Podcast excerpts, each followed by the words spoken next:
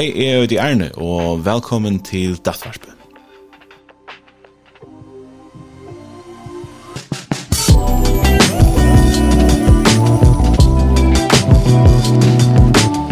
Dattvarpet te er et poddvarp fra bloggersamnon, eh, som er atle akkurat klienten, folk som har vært i vidtjer av bloggersamnon, etla som er i vidtjer, Eh, men annars är er bara alla till folk som har ahua för uh, dialektiska rätt för terapi, eller dat som vi kallar det. Ehm Dat var besnur sig om dat förlagar, og förlagar spela en en en outgend loiklud ui en ehm dat uh, som forløpe Ehm den grundleggjande den grundleggjande husgott eller den grundleggjande askoanen som Jason Galvan det vi har samband någon är det att vi gick ut för att öll människor ger ger det bästa som de klarar ta i det ger rätt landa och i tulötne test det gör det ta det bästa som de klarar och akkurat ta men öle ofta så har vi bruk för att göra det bättre till test vi ger kanske ger rätt när chill det slut på akramata eh och ta lära vi dock nya förläggare så vi kunde bruka ta vi komma in en luktande stöv och atter. Så i det var noen så tjøkken ganger vi forlegger, Ehm um, her um, er Røyne etter beste førmåne at grøya fra tøm nønstøk og forelegger noen Uh, og på en måte som er latra skilja og vannande latra bruka eller i hvert fall uh, at det latra skilja hvordan man skal bruka han og i sin en steg.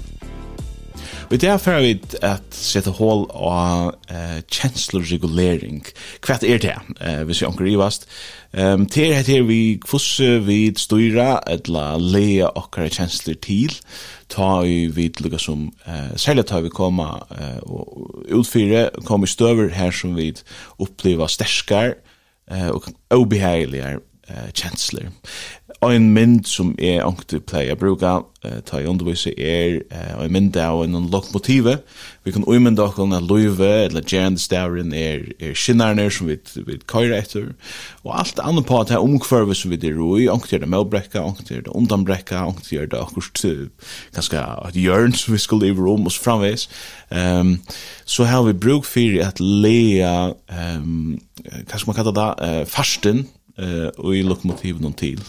Eh vi har bruk för att långt till Kara Morgasa och det har vi bruk för att slacka av. Och det har vi bruk för att uh, hålla i flöjten och det har vi bruk för att hålla i nejbremserna. Allt annat på eh stövna som vi det i så har vi bruk för att lea ehm um, krafterna til eller så läs. På samme måte er det vi har kvar vi ganger gänga jökna jam this day og, och och lukar som omstövnar han han stövar så vid det roj där händingarna som vid det utfyra. Där där bröta det som jag i halman kan kalla det omkvarve som vi stannar i. Det är bra i det här alla tøynar. Och tog har vi bruk för att le och det känslor till. Och har vi bruk för mojra, och har vi bruk för minne. Och har vi bruk för att att se fra, och har vi bruk för bara att släppa kom borstor och så vidare. Eh och det är en en en uh, avhållande dynamisk process som vi alla tøynar lyckas mer igång till vi. Um, och känslor gjør okkur forlager at uh, justera, eller tidliga, at styra og regulera okkur kjensler. Den første spurningren uh, som vi uh, kunne spyrja er, men, men hva er lukka som endamålet vi kjenslun? Hvis vi lukka kunne nema vi til holdt kjøyt. Hva kunne kjenslene hjelpe okkur vi? Og det første hugsi jeg, hvis vi umynda okkur vi tar hava en kjenslu, eh, reaksjon. Akkurat händer vid vid uppleva ett landa vid lägg og mesh del vid vid vi, vi egløya, vi akkurat oppmerksomme gjøres vi væro vi et eller annet. Akkurat hender i akkurat utanför utanfor kon edla akkurat händer i akkurat sinne, kanske vi minnes akkurat, eller för stora om eh, og ta skapar en känsla ehm hva hender da? Det første er at okra kjensler, det er okra driv med, det gjør okkur um, klar til etfer, eller til å gjøre noe, og det gjør okkur til driv med nas vi har bruk for fire a gjøre noe. Jeg husker at de fleste av okkur har opplevd at um, føler en sterske kjensler som, som kraftig legger opp til at vi skulle gjøre noe, Og Arren vil lukke som har hukse støvende i jöknum. det er godt hos godt. husgott, det er ikke godt hos godt. Um, och det kommer allt annat på det som vi kallar fakta till som vi kommer in och sådär men men känslorna är det som en driv med som skapar en reaktion och jag så vi ger ett landa och det är en viktig pastor av av känslorna som vi får komma just när mer in och sådär att alla känslor lägger upp till ett för alla känslor vill ju ha vi ger ett landa alltså det är frista och i ötta eller det är bara lägga sig om det dynna i sorg och så framåt eh och ta sig att geras pura passiv og ikke gera, det er òsne at gera nekka. Så det første som, som man kjensla ger er at hun sier okkur nekka eh, om hva vi skulle gera, og hun ger okkur driv med at gera det.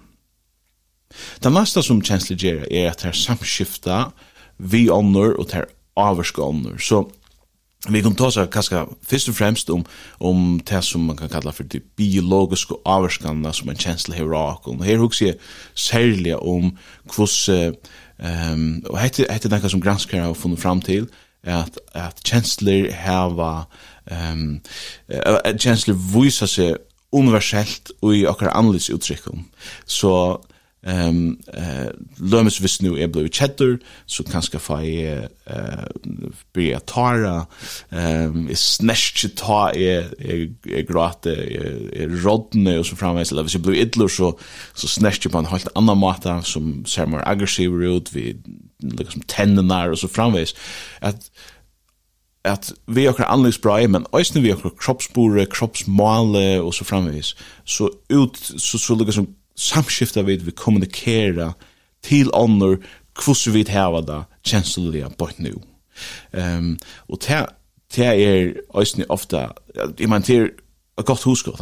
Hvis nu er blevet kjentur, og mine kære sutja at jeg er kjentur, så, så så skapet jeg en reaksjon i tøymon at jeg, altså jeg vann i hvert fall, vil jeg komme og trøsta meg, eller spyr hva det er eller eller annet, hjelpa meg med min trobløyga. Hvis jeg er blir idler, så, så skapet jeg utrykkeløyga i tøymon rundt om meg, og tenk hans kaldas borster, som, som er ganske tann, tann effekten som jeg møyra, eller min tilvita vil heva. Så mine kjensler, det er samskifta vi ånder. Og det senaste så samskifta eh, känslor ösne vi med självan. Ehm um, att man kanske man kan se det på samma sätt att mina känslor är en måte som är skilje till stövna som är ju. Ehm kanske heter kan komma sin dina känslor sin och skinsamma sinne. Men ehm um, kjens, mina kjensler eh, ter djeva mer ekgång til en pasta av verlogan så som man er. Eh, ter fortelja mer kvett hva er viktig til denne støv, hva, hva handler denne støvene om, og så videre, ja. Det som jeg opplever, og det som avskum mine kjensler, det forteller meg noe om, om verløkken som, som er ordentlig, og det er mig meg. Ta i det jeg sagt, så er det også tydninger meg, og dette kommer vi til nå, uh, særlig i neste parste, uh, til øyla tøtninga mykje at vi gjer mun da, hesson som akkurat kjensler forteller okkom, og verlegan som han ordentlig er. Tøy det er munur av fakta, verlegan som han er, og så munnen kjenslereaksjonen. Kjensler er jo galdande, men det kunne saktans uh, reka ved synere av. Det er øyla tøtninga mykje at vi er tilvidd om at, at akkurat kjensler er jo ikke det samme som verløgjen. Det er min oppfattan av verløgjen. Det som er, er jeg så løy som er, er tulltje da inn i min høtte, men, men det kan saktans være at det er tætje foil. Og det er en øyla tydning av mykje spørninger i samband med kjensleregulering som vi skulle komme inn av søttene. Og et annet som er tydninga mykje tar vi tås om kjensleregulering er hetta eh, sambandet som eh, er mittlen hendingar og kjensler, eller en støv og en kjensler. Så akkurat kjensler kommer ikke ångastans fra, det er alltid reaksjoner på øytlanda. Um, vi tar fyrt tåse om etter hva er det noe som vi kunne være oppmerksomme på, vi kunne være oppmerksomme ved sansen uh, eh, om det som er utanfor jokken sjål, samtidig som vi kunne være oppmerksomme på det som gonger fyrir seg inn i okken sjolvun, at no tankar, etla bukfornemmelse, etla hva det skulle være. Um, hese tingene, det som er utanfor jokken og det som er innan ui, de kunne skapa kjenslelige reaksjoner.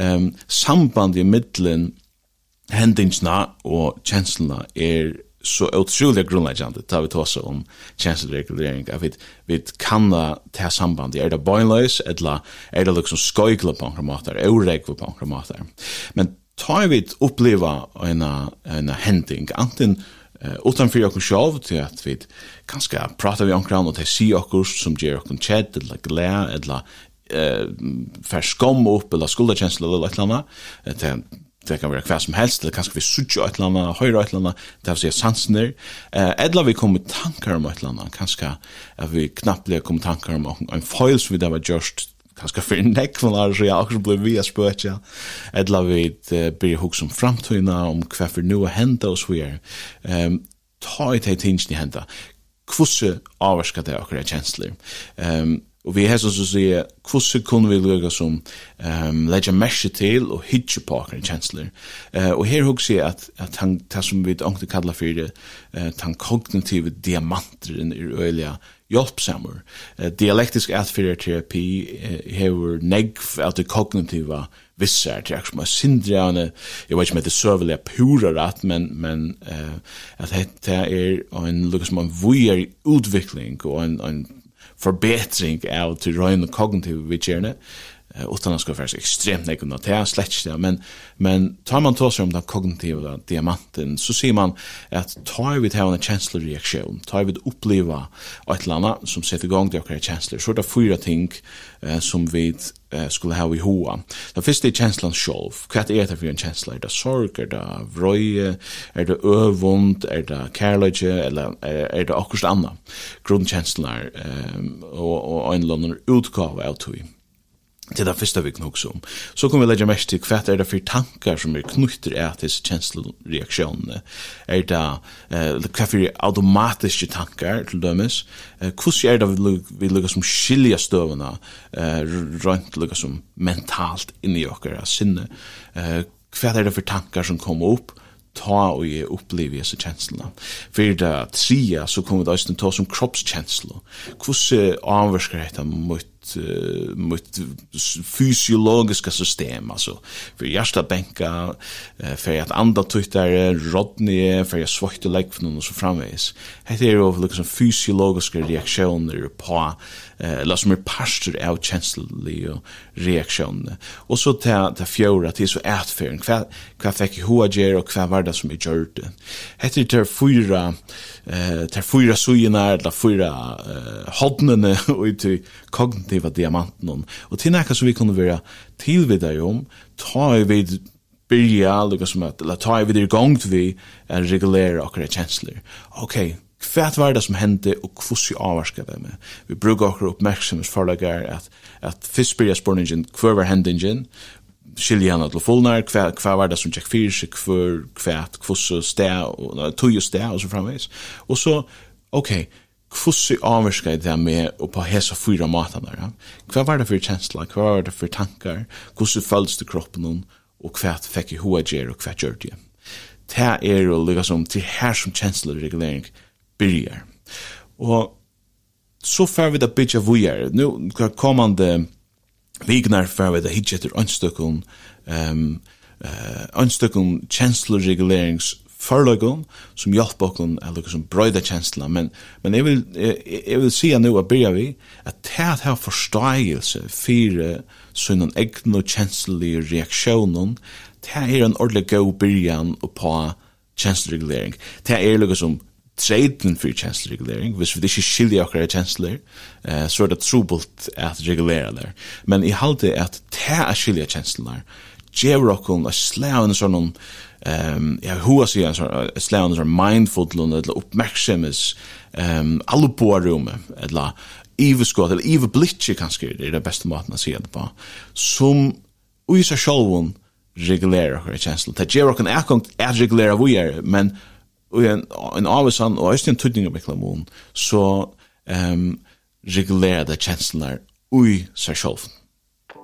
Hvis du hever onkra vimersingar, eller onkra spurningar eh, om eh, dat, om akra hendan forlegan, om etta module, eller hva det skulle du være, eh, så er du velkommen å skriva til min arne.kurla.blogros.fo Hvis du hever ahua og i vidtjer tilbånen som eh, vi dvoida her på bloggersemnen, til dømes akkurat døgnvidtjer, eller akkurat ambulant vidtjer, vidger, vidger av datt, Um, så er det inne av blakrossheime.fo at du finner alle de her opplysningene som du kunne haft av og i. Um, tusen takk for det. Jeg er ordentlig glad at du har uh, tog meg lort etter meg nå enn jeg løte, og vi har oss nast for.